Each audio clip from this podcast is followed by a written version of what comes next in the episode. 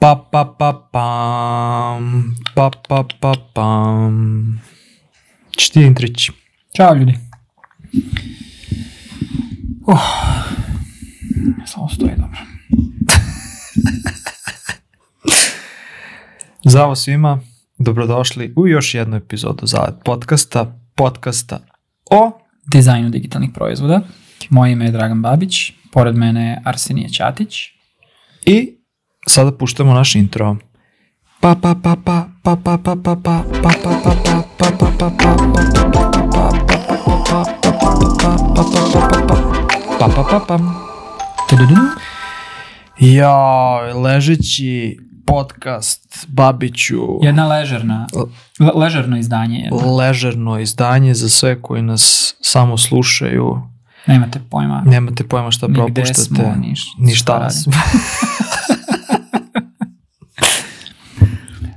Ali dobro. za sve postoji prvi put. Uh, pre ove epizode ćete verovatno čuti jednu zanimljivu vest. Tako da spremite se za to. Kao, prodali smo Zalet podcast. Selimo se kao Selimo se na. Bahame. Ne, ovaj, dešava se nešto zanimljivo, uh, tako da, kako se kaže, stay tuned. Da. Uh, danas, šta pričamo? E, pa ovo je jedna epizoda koja jako čudno zato što se ne gledamo. Nego Da. pričamo u mikrofone. Da, da, da. Ovaj, jedna epizoda, sličnu temu smo, ja mislim, imali prošle godine, ako se ne varam, a to je bila a, epizoda koju smo nazvali o naplati usluga i platama. Ponovo ćemo da pričamo o, o financijama, je li tako? To je, Da, da. da. To je ono večita tema. Ja mislim u dizajnu i generalno u, U životu. uslugama, da. Mora to se je živeti naplata. od nečega. A, zapravo konkretno pričamo o načinima naplata dizajnerskih usluga.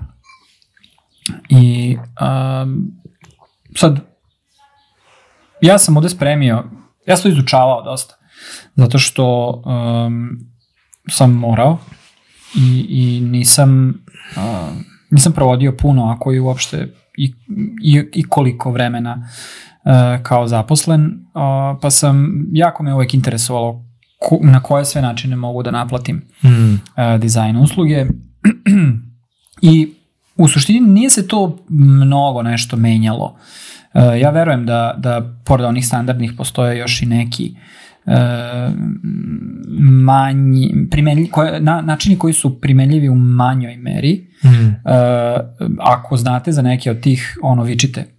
Ja sam baš zainteresovan da ih čujem. Ali u suštini ja sam pripremio za, za vas nekoliko mm, standardnih koje ono bukvalno možete da primenite od sutra. E, I čisto ćemo se sada Arsenij i ja potruditi da vam malo približimo to a, i, i da vas da vam ukažemo na to koje su njihove dobre, koje loše strane. Um, podelio sam ih u ono kao klasične metode naplate i u neke novije, modernije metode naplate koje, koji su, uh, ajde da kažem, u poslednje vreme mm, se pojavili na tržištu i u određenoj meri prolaze. Sad Mm. vidjet ćemo tu šta, šta ima. A, tako da hoćeš da krenemo, a? Ajde da krenemo, ja Ili imaš ti nešto da... Pa ne, da ja ništa ne znam o tome. Mislim, meni je sad zanimljivo, pošto ću baš dosta da naučim, jer ja sam kao, ono, za razliku tebe, celog života skoro bio zaposleni. Mm. Tu i tamo sam nešto pokušavao kao solo, ali bezuspešno, tako da Ali baš me... to je prvi način naplate. Li tako? Kao prvi način naplate. Plata. Da, da, da. Ovaj, da. Tako da, a, da, a čekaj samo jedno, jedno pitanje. A, koliko sam razumeo, malo je ovo, malo je možda došla tema iz neke frustracije ili ne? Pa ja mislim da tu uvek postoji frustracija. Aha, okay. Zato što je um, način naplate jedna od stvari ko, ko, je, to je jedna od odluka koju ti možeš da napraviš i koja te donekle definiše u, u, Mm, u da li si agencija, da li si freelancer, šta god. mm, ali ja, jako je bitan aspekt tvog uh, poslovanja uh, to kako naplaćuješ, zato što evo sad ćemo videti kako oni zapravo utiču na, na uh, operacije, poslovanje i sve ostalo. Ok. Pa, ovaj, evo, prvi Cepaj. i, i najpoznatiji način naplate, um, o, ovaj svi znate, odnosno verovatno sve ove, ova prva tri, barem svi znate, to je takozvani fixed price, fixed scope, uh, odnosno fixed price se zove obično. Klijenti traže fixed price. Klijent kad te uh, pita za usluge, kaže koliko će to da košta. I klijenti uvek preferiraju fixed price. I tu je zapravo zamka. Uh, Za one koji ne znaju engleski, to je fiksna da, cena. Fiksna cena. Dakle, hoću to i to, koliko će to da košta. U dizajnu je to jako zeznuto. O, ja, ja fixed priced um, pricing savjetujem isključivo i samo ljudima koji imaju jako puno iskustva i možda je čak uh, bolji za, za uh, primenljivije je zapravo ne možda, nego je sigurno primenljiviji na, na mnogo jednostavnije projekte gde scope, odnosno obim posla uh, takođe može da se definiše isto kao i cena. Tako da fixed price, odnosno fiksna cena, ima smisla samo onda kada možete da zatvorite obim projekta, da zaključate taj scope. U suprotnom, gotovo sigurno ćete da ono, izgubite lovu. Uh, mislim da ćete izgubite lovu, nego će vam isplativost biti manja. Uh, zašto kažem da je ovo primenljivo na, na ljude sa iskustvom i, i na jednostavnije projekte? Uh, to je zato što najčešće u momentu kada klijent očekuje od vas cenu, vi znate najmanje o, o tom projektu, o tom angažmanu. I onda je gotovo nemoguće da, da vi kažete aha, da, e, njima treba website, website košta x, a pritom ne, ne znate ništa o tom web sajtu, niste uradili istraživanje, oni nisu uradili istraživanje, oni tačno ne znaju šta im treba, u njihovoj glavi je to nedefinisana magla na kojoj piše web sajt, e, tako da gotovo sigurno upadate u neki vid zamke e, ako jednostavno kažete ja naplaćujem sajtove x dolara, eura, čega god. E, tako da u suštini e, sve se svodi na to da kada dajete fiksnu cenu za nešto, budite sigurni da pre toga možete jako dobro da definišete to nešto što isporučujete i uslove te isporuke. U suprotnom zamka. Tako da, eto, pokrili smo o, taj jedan, o, da kažem, najosnovniji vid Mm. e, naplate dizajna usluga. E, sledeći je takozvana, takozvani rad po satu, odnosno satnica, odnosno ovo ćete najčešće najčešće ćete se susresti sa ovim e, vidom naplate od Amerikanaca. Oni to zovu time and materials. Kod njih se taj, taj metod tako zove i oni gotovo sve uh, temelje na, na, na tom uh, na tom principu. Uh, u Evropi ljudi u poslednje vreme su ok sa tim, ali recimo pre 10-15 godina ti nisi mogao da prodaš uslugu u Evropi Mhm. na, na satnicu. Svi su u fazonu, pa kao ako ti ja plaćam po satu, to znači da si ti podstaknut da naplatiš što vi, odnosno da zabeležeš što više sati, da bi što više zaradio, meni to nema smisla, ja to neću. Uh, međutim, naravno, uh, glavna odlika ovog sistema je da su svi iskreni i da, da posluju fair, uh, odnosno da postoji barem neka doza poverenja Mm. između, između uh, pružaoca usluga, uh, odnosno kako to opet Ameri zovu vendora i uh, klijenta. Dakle, da, da verujete um, jedan, jedan drugom. E, ja imam samo dva pitanja ovde sad, dok, si, dok, si, dok smo ovde. Jel znaš za neki slučaj gde je neko ono kao varao klijenta u smislu da, da, da je namerno naplaćivao naplaćivao, to jest logovo više sati i pokušavao da, da, da iskamči. Ja, ja mislim da gotovo sigurno ljudi uh, mislim da se očekuje od timesheetova da budu polufiktivni. Mm. Zato što ljudi pod jedan zaboravljaju da loguju vreme i onda popunjavaju timesheetove na osnovu sećanja.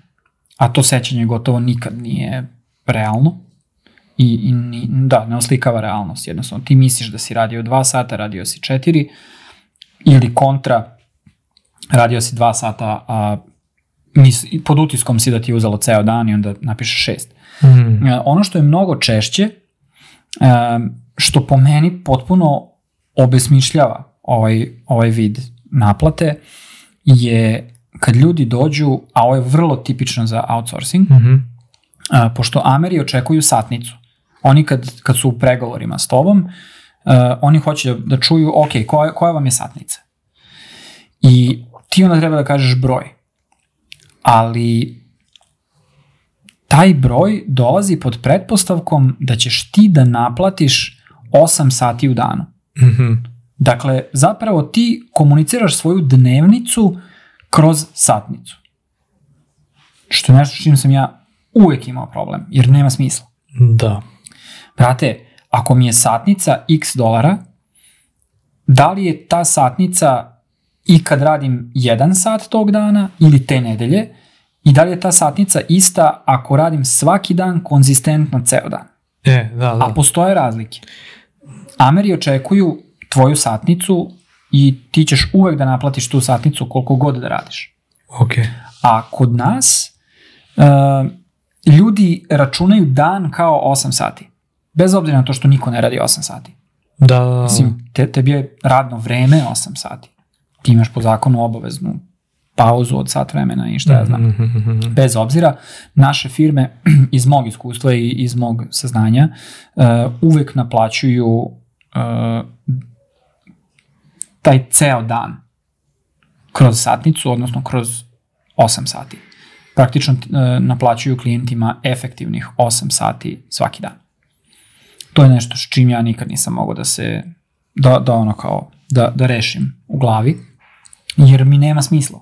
Da. Znaš, ako ćemo da se igramo brojeva i da izmišljamo brojeve svaki dan, što onda ne kažemo, ok, ja radim, moj dan košta ovoliko, shodno, pošto, shodno tome, pošto radim svaki dan, moj mesec košta ovoliko, evo ti koliko te ja koštam mesečno. Znaš. A da te pitamo, da, jel bi bilo, e, upravo to sad razmišljam kao, razmišljam šta bi bilo nekako pošteno za sve, jer daje dosta prostor, mislim, daje dosta prostora. Meni deluje kao da, del, da daje prostor da ti kao neko ko pruža usluge može da kalkuliše u smislu da ja sad lupim i da kažem, e, brate, ali to će otprilike da bude posao 70 sati, razumeš? Mm. I što tebi kao, kao klijentu znači, jer tako, Tako otprilike imaš, tako imaš, neki, imaš neki utisak, pa sad koliko je to sati, pa kapiraš, aha, bit će plus 10, minus 10 i tako dalje. Jel, jel je, mislim, ja bih uvek nekako volao da, da idem, naravno da naplaćujem što veći sat, ali što manje da radim. Mm -hmm. Ne znam koliko se to komunicira i ono što mi isto pada na pamet jeste ako se, vidi, ako se meni ne isplati da radim što ja verujem da se nikome ne isplati da radi dva dana ili tri dana, Mm -hmm. ja bih došao i rekao, e, moj sat je toliko, ali minimalno za koliko ti mene možeš da angažuješ. Ono, mm -hmm. Zašto neću da, znači Mhm. ne želim da stupam u bilo kakav a, dogovor sa tom, jeste lupam 40 sati Mm -hmm. ili 50, nebitno je ono, znaš. Je li to nešto što je, što je, što je, da kažem, što se dešava ili, ili Uh, ja mislim da se dešava. Mislim da se dešava i, i mislim da mo, e, možeš da budeš jako, e, ljudi mogu da budu jako kreativni u, u smislu uh, da, da ovaj način naplate samim tim, mislim njegova najbolja odlika je to što nije, što je variabilan. mm, da, da, da. Uh, I jako dobro si rekao uh, na samom početku pitanja, uh, pomenuo si procenu. Da. e, za uspostavljanje tog poverenja o kojem smo pričali je jako, je, je ključno da, da imaš dobru, vrlo utreniranu sposobnost procenjivanja e, angažmana, projekata, poslova, zadataka, čega god. Zato što to uspostavlja poverenje. Ti kad kažeš mnogo bolje izgleda i zvuči i stvarno je mnogo bolje. Kad ti kažeš za ovo će mi trebati 70 sati i na kraju ti dođeš na tih 70 plus minus 10 sati. Lupam Da, sada, da. znaš. To je okej, ti si i dalje u okviru, u realnim nekim okvirima te procene. Ali katastrofalno zvuči kad ti kažeš treba mi 70, a loguješ 140. Mm, jasno. I onda neko dođe i kaže, ali ja sam očekivao 70, ti si logao 100. Ali znaš, bilo je ovo, bilo je ono, ne desilo se to, pa ne znam. E, i to je zamka ovog načina uh, naplaćivanja. I samo još jedno potpitanje. Da. A kako uspevaš da preveniraš, kakva reč, prevenirati, brate, pff. kako, kako uspevaš da preveniraš? Da li je to kao, je ok, imamo, imamo ono, a, checkpoint tu i tu, ili konstantno, mislim, mi- govorili smo o, Mhm. o, o, o poverenju, ja mislim možda čak u prethodnoj epizodi ili, ili tako nešto u epizodi o, Mm. mi stalno govorimo o poverenju, a da li postoji neki način koji je, koji je možda bolji ili loši u smislu, da li ću konstantno da ti da, da ovaj, ono, ti pokazujem na čemu radim i, i, i na taj način ti kao klijent M dobijaš poverenje, M vidiš progres i, i Da. možeš i sam da proceniš ono gde idemo, koliko idemo, Da. ili kao ili ćemo na samom početku, pošto ne znamo kakva će dinamika još biti, Mm. jednostavno možda je dinamika neka, opa, možda je dinamika neka specifična, pa kao zakucamo, e, ok, hoću ono jednom nedeljno ili jednom u dve nedelje da ti pokazujem šta, šta su neke prakse tu. Da, pa ljudi uh, pribegavaju raznim metodama za, za održavanje bilo kakvog uh, kontakta i, i znanja oko toga Mhm. koliko tih nekih resursa, vremena, love je, je konzumirano. Apsolutno najgora, uh, najgori scenario je da uh, ti kao pružalac usluge uh, daš procenu za jedan veliki projekat i završiš taj projekat i dođeš i kažeš, e, ali znate onu procenu od 70 sati, e, pa bilo je 250 ipak. Mm. Znači, ne, nema goreg scenarija. Znači, gubite poverenje automatski na taj način. Uh, jedan način da, da se sve to drži pod kontrolom su takozvani milestoneovi, Mhm. da u toku jednog velikog projekta odredite checkpointe uh, i kažete ok, u o, ovim intervalima ćemo da, da se sinhronizujemo ponovo i da kažemo aha evo do sada vidite ovde smo mislili da ćemo potrošiti 70 sati, ali zapravo potrošili smo 50 zato što smo skinuli ovo i ovo iz skopa ili se desilo to i to. Tako da evo sad novi budžet je ovo i Mhm. onda preraspodelite ili kažete ok, ostvarili smo uštedu ili smo otišli u crveno i tako dalje. Uh, Dakle, ti milestoneovi su, su jedan način da se to radi. Uh, timesheet kao neki uh, način, uh, mislim, ja to zovem zove se timesheet, ali je, mislim, danas možeš da koristiš razne neke aplikacije, da ti loguješ Mhm. i beležiš svoje vreme. Ljudi to rade u Excel sheetovima, ranije se to pisalo jeli, na, na papiru u, u Pre tabeli. kompjutera, kad smo mi Pre počinjali. kompjutera, da, da. ovaj, I ne, nekad su ti timesheetovi jednostavno u realnom vremenu dostupni klijentima. To sve zavisi kako, kako se vi dogovorite da, um, da, da, da uspostavite saradnju za osnovom koja je politika vaše agencije ili vaše prakse, um, ka, kad ti podaci postaju dostupni uh, vašim klijentima. Tako da opet sve se svodi opet na, na to poverenje i, I na, dogovor, aha. i na dogovor i na, na dobre prakse koje su transparentnost, otvorena komunikacija i e, naravno rešavanje tih kriznih situacija kad se desi procena je bila 70, a, a došli smo na 140 i kako Da. sad? Šta sad radimo? To mi, to mi deluje, izvini samo mala vinjaca, to mi Mm. deluje kao ono najteži put, jer dva ekstrema su, ja imam potpunu kontrolu i ja ono kao pru, pružalac usluge mogu da muljačim kako god Mhm. hoću, a drugi ekstrem je da ono klijent gleda svaki minut i da me cima i da bude fazon, što si sad ovo radio, što si sad ovo radio, što si sad ovo radio, što mislim da oba nisu konstruktivna i ne doprinose onome zašto smo mi tu, a tu je da stvorimo ne, neku vrednost, Da. da. tako, na kraju dana svi imamo neki benefit od toga. Jeste, jeste. Uh, kako je na jedan način ovaj uh, metod dobar jer je variabilan, tako i loš jer je variabilan. Mm. Znaš, ti, ti, ako klijent očekuje da ti budeš najefikasniji mogući, a ti funkcionišeš tako što misliš da uh, možeš da ideš u širinu Mm. zato što se niste dogovorili za, za neki fiksan iznos, to može da bude katastrofalno. Ali opet prevencija je u, u otvorenoj komunikaciji, u transparentnosti i u najavi. Super. E, desilo se to i to, samo da znate, to, to će uticati na naš budžet ovako i ovako. Ili, e, ljudi, ja mislim da je sada dobar moment da malo pojačamo ovde, potrošimo malo više vremena na ovome, zato što je vredno, zato što smo nabasali na nešto zanimljivo, da li se slažete s tim, da ili ne i Mhm. radiš shodno tome, a ništa ne radiš na svoju ruku, jer to je ovaj, e, to je nešto što će da, da, da naruši poverenje.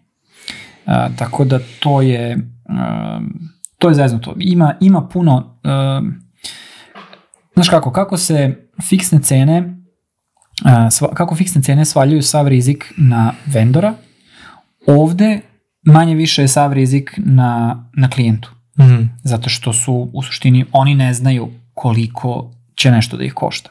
Dakle, oni, oni rizikuju pre svega. A, a ovde ti rizikuješ kao pružalac usluga zato što ako si se zeznuo ili ako nisi nešto dobro definisao ili ako si pristao na nešto što nije dobro definisano, e, tu, tu ti rizikuješ e, svoj, svoj profit Mm. kod toga. Tako da eto, ta dva su malo onako dve suprotnosti, ta dva a, modela. A, imamo još jedan klasični model a, koji je prisutan kako kod freelancera, tako i kod agencija, potpuno je a, svejedno i svi ili teže ka tome ili bi trebalo da teže. A, a to je retainer. Mm. Uh, ja ne znam kako se prevodi retainer kod nas, uh, ali u suštini to je model u kojem uh, se vi i vaš klijent dogovorite uh, da ćete vi garantovati dostupnost za obavljanje svoje delatnosti i da ćete biti kompenzovani toliko i toliko, x, na osnovu nekog vremenskog perioda. Obično je to mesec. Retaineri se obično potpisuju kao ugovori na, na duže vremenske Mhm. periode, a naplaćuju se na mesečnoj osnovi. Uglavnom. Uh, mislim, merna jedinica je mesec. Dakle, uh, vi dođete i dogovorite se sa vašim klijentom da ćete biti dostupni 50 sati mesečno i da će to koštati x eura, dolara, dinara, uh, koliko god. I vi ako radite 25 sati, vi ćete naplatiti 50, ali uglavnom retaineri dolaze sa tom nekom klauzulom da ako ste vi njima potrebni preko tih 50 sati, oni će platiti neku premium cenu. Odnosno, dali ste im ovih prvih 50 sati po velikom popustu. Uglavnom je to priličan popust. Onako, tipa barem 20% jeftinija bude vaša satnica. Ali i vi kažete, ok, ovih prvih 50 sati fiksnih koje ja odradio, ne odradio, ja ih naplaćujem, ali vam ih dajem jeftinije. A ako vam budem trebao 70 sati ovog meseca, onih ekstra 20 sati će vam biti naplaćeno po mojoj standardnoj satnici. A, da te pitam još samo sati. ovu jednu stvar, znači sad recimo ti si moj klijent prošlog meseca bio, mi smo potpisali retainer, ovog meseca ti rekao si kao, e, mislim da sledećeg meseca neću da imam posla, ali u slučaju da zatreba imamo retainer, je li tako? I meni se dogodi novi klijent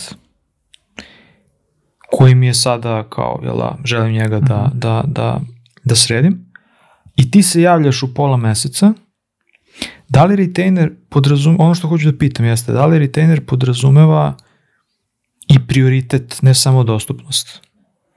Uh, pa ja mislim da je to, to lepota retainera, uh, što, što je fair za obe strane. Mhm. Dakle, ja ću tebe da platim za tvojih 50 sati, iskoristio ih ja ili ne. Dobro. Dakle, ti u suštini garantuješ dostupnost retainera. Uh, ti i ja smo potpisali ugovor da ću u 2023. godini ja tebi isporučiti svaki mesec 50, odnosno garantovat ću ti, garantovat ću ti svoju dostupnost uh, 50, u, u, u opsegu od 50 sati svakog meseca. Mm. Dakle, ga, garantujem ti da ću biti dostupan za tvoje stvari. Naravno, uz to je uvek pametno definisati i response time Mm, i e, turnaround to, to, to. time i, i sve živo, jer um, naravno ti ako si nekog retainovao 50 sati, nećeš da čekaš dve nedelje da, da, da neko bude, postane dostupan, E, to te pitam. da, Da, da, isporuči tih 50 da, da, sati okej, okej, okej. nego, nego ti kao pružalac usluge moraš isto tako da malo razmišljaš oko toga, da budeš pametan oko toga koliko klijenata ti možeš da imaš, Mm. ko- koliki, koliki imaš opseg uh, za, za retainere, zato što ne možeš svima da garantuješ uh, ono, x sati, a da ih imaš, mislim, svi znamo koliko vremena imamo. Um, Svi imamo isto vreme. to, to je, to je naj, najzeznutija stvar uh, kod agencija koje su poznate i, i upropastile su retainere za, za sve nas, Mm. uh, jer ih potpišu previše i na kraju ne mogu da, da isporuče toliko sati. I tu, je, tu su onda svi problemi skaliranja agencije. E, to me zanima, ajde samo možda, samo, možda, možda nije, nije nužno način naplate, ali Mhm. ja, ja to često čujem kao problem da, a, pošto u mojoj glavi neko ko je freelance, ajde govorimo free, freelance, mislim, ne, ne, ne znam, agencije su malo kompleksnije, Da, ali da, da. ako je neko freelancer, ljudi stalno kukuju kako imaju previše posla. Ok, imaš previše posla, verovatno i zarađuješ previše para. Mislim, to je meni negde ideja. Ako si ti freelancer, zašto onda ne, ne, ne izbalansiraš tako da živiš i uživaš koliko možeš, a ne da imaš previše posla. Pa zato što je to mm, jedna od najtežih stvari za uraditi. Znači, ču, čujem, čujem dva ekstrema, Lju- ovo što sam sad spomenuo i ljudi koji su freelanceri koji bukvalno nemaju posla i ne mogu da ono preživljavaju. Pazi, da, da je tako, kako oni predstavljaju to, ti prezauzeti Dobro. ljudi, oni bi trebali da budu legitimno milioneri.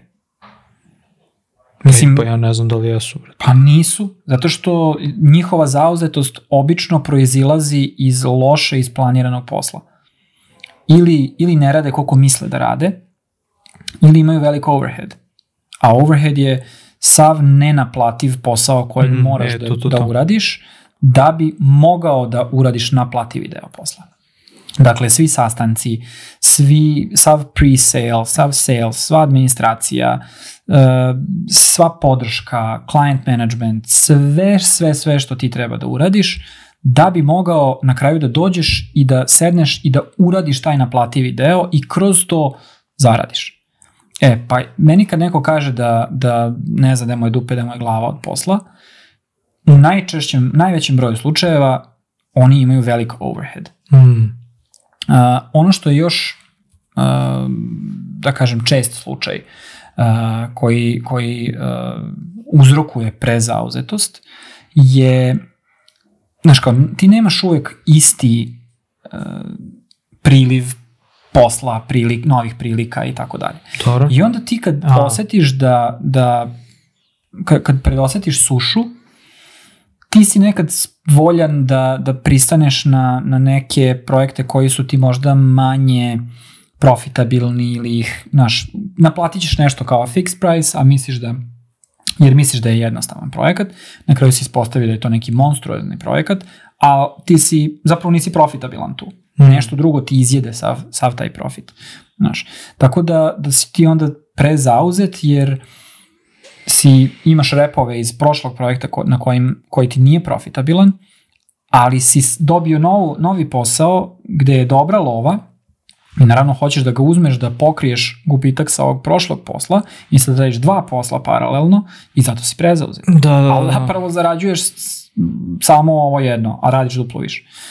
Tako da je to, mislim, malo je prevelika je komplikacija a, Da. za, pogotovo za početnike. I zato ja ne volim da, da, govor, da savjetujem ljude da idu u freelancing uh, kao, znaš, kao Da, dosta ljudi bira tu putanju. da Meni izađeš to... na tržište kao Nejasno. freelancer, to je, uh, zato što ne, ne razumeju koliki je overhead. Ja vam garantujem da vi ako, ako vodite zdrav, zdravu freelance praksu, vi nećete imati više od, ne možete da imate više od dvadesetak naplativih sati nedeljno. a pritom ćete raditi 8 do 10 sati svaki dan. Jednostavno to je tako. Pa, Toliko ima bolje da ideš da posla. radiš u nekoj firmi nego... Toliko ima posla koji treba da, da, se, da se obavi. Mislim, to je, ajde, za dizajnere je to malo, um, malo je veći taj overhead, ja mislim, za dizajnere nego za inženjere, zato što dizajneri imaju portfolije koje moraju da održavaju, imaju... Um, ja i dalje mislim da su dizajn projekti uvek dolaze od strane potencijalnih klijenata kao mnogo manje definisani, mnogo teže defini, mnogo ih je teže definisati Da. um, da, bi, da, da bi se bukirali ti projekti i, i dosta je to um, ma, nekako manje, sivo je, inženjering je često, lakše je doći do toga, razlučiti uh, i definisati projekt, razlučiti šta treba da se uradi. Uh, u dizajnu to dosta dugo, kad krene saradnja, dosta dugo to ostaje i dalje onako malo nedefinisano. Jer Znači proces oblikovanja. Jeste, oblikovanje, da, bravo. Uh, eto, pokrili smo ta tri uh, osnovna načina naplate dizajn usluga i sad u poslednje vreme, ajde da kažemo zadnjih pet godina, uh, vrlo, vrlo uh, su se intenzivirali i, i vrlo su popularni, da kažem, postali, postala dva nova, ja sam uspeo da ih definišem uh, kao dva značajna nova načina naplate. Jedan od njih je takozvana pretplata, odnosno subskripcija. To su dizajn subskripcije. Um, a to je u suštini ništa drugo do glorifikovani re- retainer, odnosno možda čak neću ni da ga nazovem glorifikovan, nego je redefinisan retainer. Um, zato što je retainer dosta otvoren po prirodi i kaže samo je ja rezervišem dostupnost i o, obavljam te i te stvari za tebe, šta god ti treba i ja toliko naplatim. Uh, dizajn subskripcije su u teoriji genijalne. Znači, šta je dizajn subskripcija? Ti dođeš i kažeš ja, moje usluge koštaju x dolara, eura, dinara mesečno i ovo, je, o, ovo su usluge koje ja obavljam, branding, web design, product, šta god. Znači, biraj od, od ovih usluga, ovo ti je sve dostupno kod mene. Možeš da tražiš bilo šta, bilo kada od toga i tako se one marketuju. On, uglavnom ćeš kogod radi subskripcije po tom modelu, ti ćeš čuti unlimited requests, niko te ne ograničava ni o čemu, ne znam šta, i onda neki small print negde, one task at a time. I to je, to je cela mudrost cele te priče. Znači, ja mogu da dođem i da dampujem hiljadu zadataka na dizajnera i on je sebe ogradio od um, katastrofe tako što je rekao, ok, backlog je hiljadu zadataka. Ja prelazi, ja krećem da radim ovaj prvi i krećem na drugi tek kad odobriš prvi.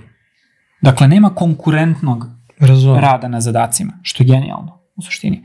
Ali ovaj, genijalno je samo u teoriji.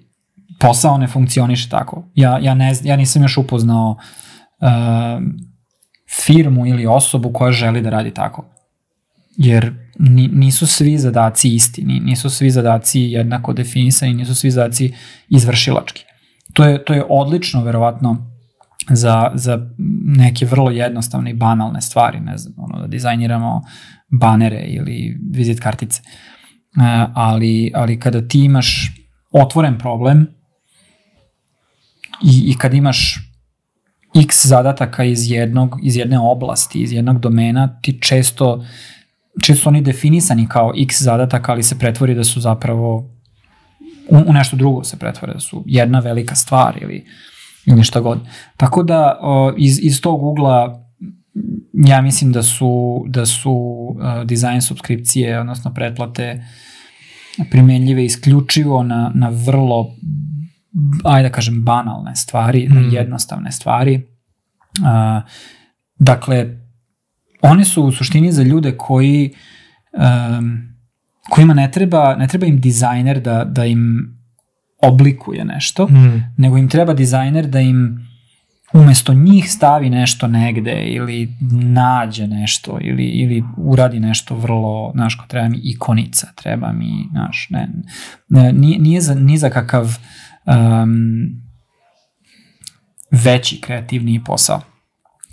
Um, zapravo, ja mislim da je ovaj model čuven po tome da nikad nije proizveo kvalitetan re rezultat. Mm. Dakle, ja, a stvarno se trudim, ne, ne da sam se trudio da, da nađem, nego se i dan danas trudim da nađem i jedan output nekog od tih čuvenih dizajnera koji rade najčuveniji onaj Design Joy, a, on ga je popularizovao. To je bila neka kontraverza Ma tu. da, da, da. Ovaj, Ispratio sam. ima, ima čitava farsa, koga zanima može da, da ovaj, eh, prati tu dramu. Dešavala se uživo na Twitteru pre par godina. Ma, A, nije taj tip i dalje to je nešto, to- ma nije pre par godina, to je nešto skoro bilo. Pa On je ne neki lik što ga je kao unajmio i onda ovaj ga nešto zavlačio kao bolestan, pa Da, ne znam ovo, da, da, pa da, ne da. znam ono. Kao prebukirao se. A, nešto. pa, a, a svaki mesec mu nešto naplaćuje, pa da, da. Da. Uh, uglavnom, da, to je marketarska prevara. Ne, nema tu, vidjet ćete, svi, svi dizajneri koji rade uh, po modelu subskripcije su pre svega marketari. To je kao ideja, esencijalno koliko sam skontao, da, se, da ti sebe tretiraš, kažem sebe, sebe Da. kao dizajnera, tretiraš kao neki proizvod, jel tako? I kao Da, kad dođeš na da, proizvod, kažeš, da. e, za x ćeš dobiti to, ali za xy ćeš dobiti to, imaš kao ono tirove, Da, i za XYZ dobiješ to, ti izabereš, klikneš i sad ti očekuješ da ćeš da imaš za XYZ najbolju uslugu, najviši prioritet, da. beskonačno svega, ali u realnosti ako ti imaš, brate, ne znam koliko možda imaš više od jednog klijenta, ti si ga najebao. Ma, mislim, gluposti, razumeš, ne, nema Da. tu. uh, Ma, tačno se vidi po jeziku koji, kori, koji koriste da, da, da, da, da, da. prodaju svoje usluge, vidi se kome je to namenjeno. Oni, oni svi pričaju o tome kako su zaradili stotine, hilj, da ne kažem milione dolara u, u okviru od godinu dana Da, od, od tog modela. da. E, I onda e, odbijaju da bilo kome pokažu bilo šta što su napravili. To je ogroman red flag. E, I drugo, uvek prodaju neki kurs kako krenuti sa pretplatama. Kursadžije. E, i to je zapravo glavna fora. Sav njihov jezik uh, u, u njihovom marketingu je zapravo usmeren drugim dizajnerima, a ne klijentima. I oni kažu, oni to prodaju kao uh, sve što kažu za klijente je unlimited requests, tražite koliko hoćete, sve ostalo je usmereno ka dizajnerima. Oni kažu um, nema sastanaka. Znaš, oni kažu nema, nema uh, sinhrone komunikacije, sve ide kroz, ne znam, Trello board, ne treba ti tooling, ne treba ti, nema client managementa, nema ničega. Znači, vi samo sedite i radite Da, da, da. i kao vi zarađujete. Magije. Ma, daj. E, tako da da, e, jako zanimljivo, e, u teoriji savršeno, ali u suštini još ja lično, ne, neko i dalje mora da me ubedi da, da, da, da je to stvarno realan i uspešan uh, biznis model i, i model naplate. Tako da, nažalost, pretplate su... Ali imamo još jedan.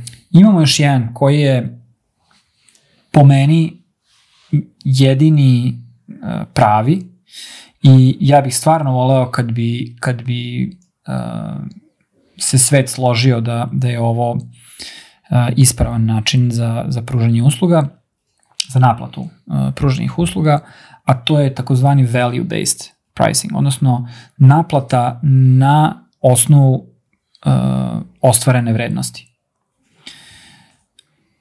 Ono što je problem kod ovog modela naplate je što je jako fokusiran i temelji se na um, na rezultatima, vrlo konkretnim rezultatima. Dakle, um, primenljivi, najprimenljiviji je, mislim je primenljiv svuda, ali najprimenljiviji je na uh, vrlo specifične kratkoročne projekte i ciljeve.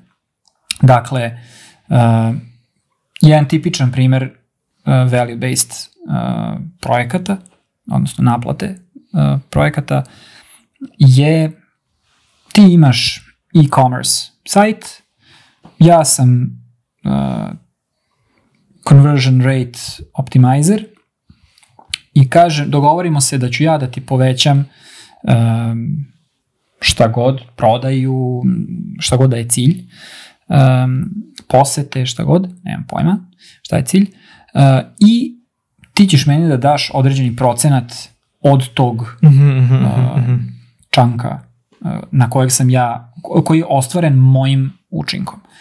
Uh, To je komplikovano m, za dogovoriti i opravdati, uh, zato što praktično vi morate sebe da izolujete i da, da garantujete da, ne znam, prodaja je porasla zato što sam ja pokrenuo t- newsletter drip kampanju i ta drip kampanja je sada o, napravila skok od 3% u, u našoj prodaji, a vi ste za to vreme morali da pauzirate sve ostale marketinške aktivnosti zato što sam se ja tako mm, dogovorio sa vama. Da, E, tako da sama um, sama ta uh, kako se zove mm, sam dokaz te vrednosti, te isporučene vrednosti je nekad upitan i ovaj, opet zahteva dosta, dosta poverenja.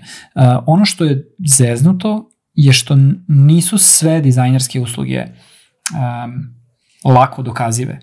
Znaš, kao ti kad nekom izbrendiraš neku firmu. I ok, u, u samom startu taj brand nema vrednost. Dakle, tvoja naplata je nula. zapravo vrednosti spadne. Da, Ako, ako si rebrendirao, vrednosti Da, spadne da, da. bi vremenom porastao. Da. ali ako oni posluju kako treba i ako rade ostale stvari kako treba, vrednost tog brenda će da raste. Kako se onda naplaćuješ? da, da li je to zbog Tako prodaje je. ili je zbog... Ako nekom napraviš dobar Da. web sajt ili dobar deck ili neku prezentaciju i neko ode da pičuje neki deal sa tim asetima, uh, da li je izgubio ili dobio deal zbog toga? Da. Vrlo, vrlo upitno. Tako da, da je baš zeznuto, ali a, e, ja i dalje mislim da, da uh, nemam odgovor na ovo, ali i dalje mislim da, da možemo da radimo sa klijentima i stakeholderima, da u da pre početka saradnje definišemo odre- određene uh, um, KPI-eve i ako se složimo da su ti određeni KPI bili kvantitativni ili Mhm, kvalitativni, mhm. ostvareni, to je indikator da je vrednost isporučena i ostvarena. I mislim da, da, na, da na taj način većina dizajn projekata može da koristi um, value-based pricing, odnosno naplatu na, na osnovu vrednosti. Um, tako da, eto, to je... Um, Ja imao sam još jedno pitanje. Ako si, ako si završio. Ne, samo sam hteo da Aha, kažem kaži. da, da, da je to moj omiljeni način. Ja, ja bih volao da isključivo tako radim. Uh, ja, ja sam čak i eksperimentisao sa, sa nekom, nekom, uh, ne, nekom formom value-based pricinga, uh, a to je kao ok, ajde definisat ćemo sada šta god ja da ti isporučim, to će biti x, ali ako se desi nešto, ti meni dođeš y. Kao neke hipoteze. Da. Kao da. scen, scenari u Da. kojima može da se odigra i ako se Tako je. odigra, onda... Tako je, tako je. Mhm, mhm. Ja, ja to isto smatram value-based pricing, Mhm, mhm. zato što, To ima smisla. znaš, da, kao, da. ok, ja napraviš ti sajt, ako tebi ti ne uspeš da iskoristiš taj sajt ili, ili on stvarno ti ne koristi, jer Mhm. nije dobar, ok, ti si mi naplatio, no, ja sam ti naplatio samo izradu tog web Mhm, sajta. mhm, mhm. Ali ako ja hoću da uzmem ozbiljniju lovu, ja ću onda da se pozabavim mnogo ozbiljnijim problemima i da se angažujem da, da saznam kako ti možeš da iskoristiš taj website uh, da bi, da bi ostvario neke svoje poslovne ciljeve i onda zašto ti meni ne bi dao još love jer je sad sajt postao tvoj neki bitan alat. Znaš, Da. izvini, prekinuo sam te. A, pitanje je bilo da li znaš za neki slučaj gde, ili si možda učestvovao u tako nečemu, gde je neko, sad si me podstakao sa ovim value based, da je neko došao i rekao, ok, vi ste recimo ono startup nemate lovu, ja ću da vam odredim x, ali hoću, hoću ovaj, znaš kao deo, deo, Mhm. deo neke, ovaj, deo kompanije ili, ili deo od prodaje ili nešto tako da nije, nije nužno čak ni, pa ne znam da li je to value, ali kao procenat nečega. Da, da. To je, to je više kao neki um, udeo u vlasništvu. Udeo u ili- vlasništvu, ili, da. Pošto mi, da, da. Um, iz mog iskustva, pre jedno 7-8 godina, ljudi su, startupi su bili vrlo otvoreni i voljni da daju equity Mhm, mhm. uh, u razmenu za usluge. Tad je startup ekosistem bio mnogo, mnogo aktivniji i veći i samim tim mnogo više startupa je propadalo. I onda mi nismo konkretno bili voljni to da radimo. Mhm. Uh, mada, mislim, kad ti pogledaš bilo koju, a, a, bilo koju agenciju ili bilo kog freelancera, ako radi sa startupima, 99% tih startupa ne funkcioniše više. Da. To je jednostavno priroda našeg posla. I, i um, zato je rad sa startupima nezahvalan. Uh, ali u poslednje vreme sam ja čak bio vrlo, vrlo motivisan da, da nađem klijenta koji je voljan da, da podeli taj rizik sa nama. I da mi kažemo, ok, mi smo vaš kreativni departman, Mm. šta god vam treba iz dizajna, to smo mi, to, mi ćemo to da uzmemo na sebe, ali um, recimo deo equity-a, procenat equity-a je naš u, u tom startupu ili vi plaćate naše operativne troškove plus equity ili plaćamo jako uh, plaćamo satnicu ili bilo koji drugi rate po, sa velikim popustom uz još manji equity. Dakle, kao da, da pro, pokušavao sam da nađem neki balans između, uh, između toga uh, da, da kažem opet u cilju minimiziranja rizika i za jednu i za drugu stranu i uspostavljanja neke, neke fair raspodele tog rizika. Uh, međutim, nisam, nisam uspeo uh, da, da uradim to. Mislim- zato što ne radimo sa startupima toliko. Znaš, može da se Najpre. posmatra i kao investicija u startup. Tako je. Mislim, Tako je, bukvalno, tako je. jer e, z- zna, znam kako je kada ono, si na početku nemaš kintu da unajmiš full time osobu i dobro bi ti bilo, znači ono svaka, pom- a equity je nešto što imaš u Da. tom trenutku na pretek. Da. I to nema Da. nikakvu vrednost. Da, Ali, znaš, za pet godina može to da bude, umesto što bi dobio lupam, 1000 evra za posao, a pričamo ako si freelancer, Tako nije je. bitno, to može ti bude ono, ne znam, brate, 100.000 evra, mislim, Da. kao. da. 200, nije bitno. Tako Jeste. da, dobro. Iskreno, uz, uz value-based, mislim, ja kažem ti, ja i to smatram value-based pricingom, Da. ali, ali bilo koji oblik value-based pricinga je po meni najzdraviji način da, da client-vendor uh, uh, client-vendor relationship funkcioniše. Znaš, to mi je, to je moj neki zaključak, mm, ono, kao rezultat vođenja agencije zadnjih koliko, 15 godina. Uh, ali jako, jako je teško ostvariv. Sad, razlozi za to su već neki, neki drugi. Da. Ali to je to. Dobro, je, super. Uh, eto, samo da ponovim još jednom, uh, volao bih stvarno da ako, ako neko ima neka razmišljenja na, na temu naplate, da, da ih podeli recimo na YouTube-u ili, ili bilo gde, na Twitteru, LinkedInu, sve jedno, uh, da možemo da otvorimo uh, malu diskusiju u vezi toga, jer, uh, kažem, meni je, meni je lično ta tema vrlo zanimljiva, bavio sam se njom dugo i bavim se i dalje. Uh, tako da uh, stvarno bih voleo da, da čujem uh, po, najpre iz prve ruke uh, o tome ako je neko radio na neki drugi način i imao uspeha ili čak imao neuspeha sa, sa nekim alternativnim načinima naplate, to bi bilo strava. Da, mislim da će ova epizoda biti onako dosta, dosta konkretna. Mislim da će biti, Da. nadam se da će biti korisna i da će Ovo je biti... onako učbenička. Da, da, da, i, pa i mislim da će biti ovaj, a, lepa dopuna na ono od prošle godine Da. koju smo snimili na, na, da kažem, na sličnu temu, možda čak ako ne na, na, na veoma istu. Yes. Mada smo pričali i o platama i malo Da. sa to. Tako da ovo je baš lepa dopunica. Ovaj, tako da eto, ovaj, kao što Dragan reče, ostavite komentar ako imate nekih, a, nekih ideja i, i šta god. A, smo imali nešto za odjevu da da reknemo, ne? Pa, osim tajne najave, ništa. Osim tajne najave, dobro. A, da, i dalje imamo ono što smo započeli u prošloj epizodi jeste kako smo nazvali to zalec, zalec spojka. Da.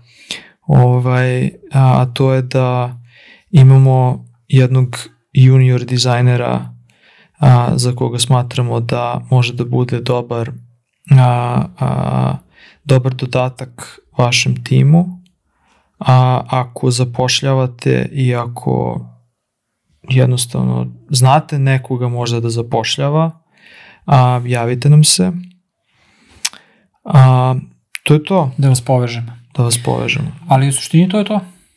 to je to, do sledećeg slušanja i gledanja. A, budite dobro, budite dobri, volite se i a, naučite lepe i fine načine za naplatu vaših usluga i nemojte da vas iko prevari u tom aspektu. Čujemo se, vidimo se, ćao. Ćao. Pljas. Bravo, Babiću.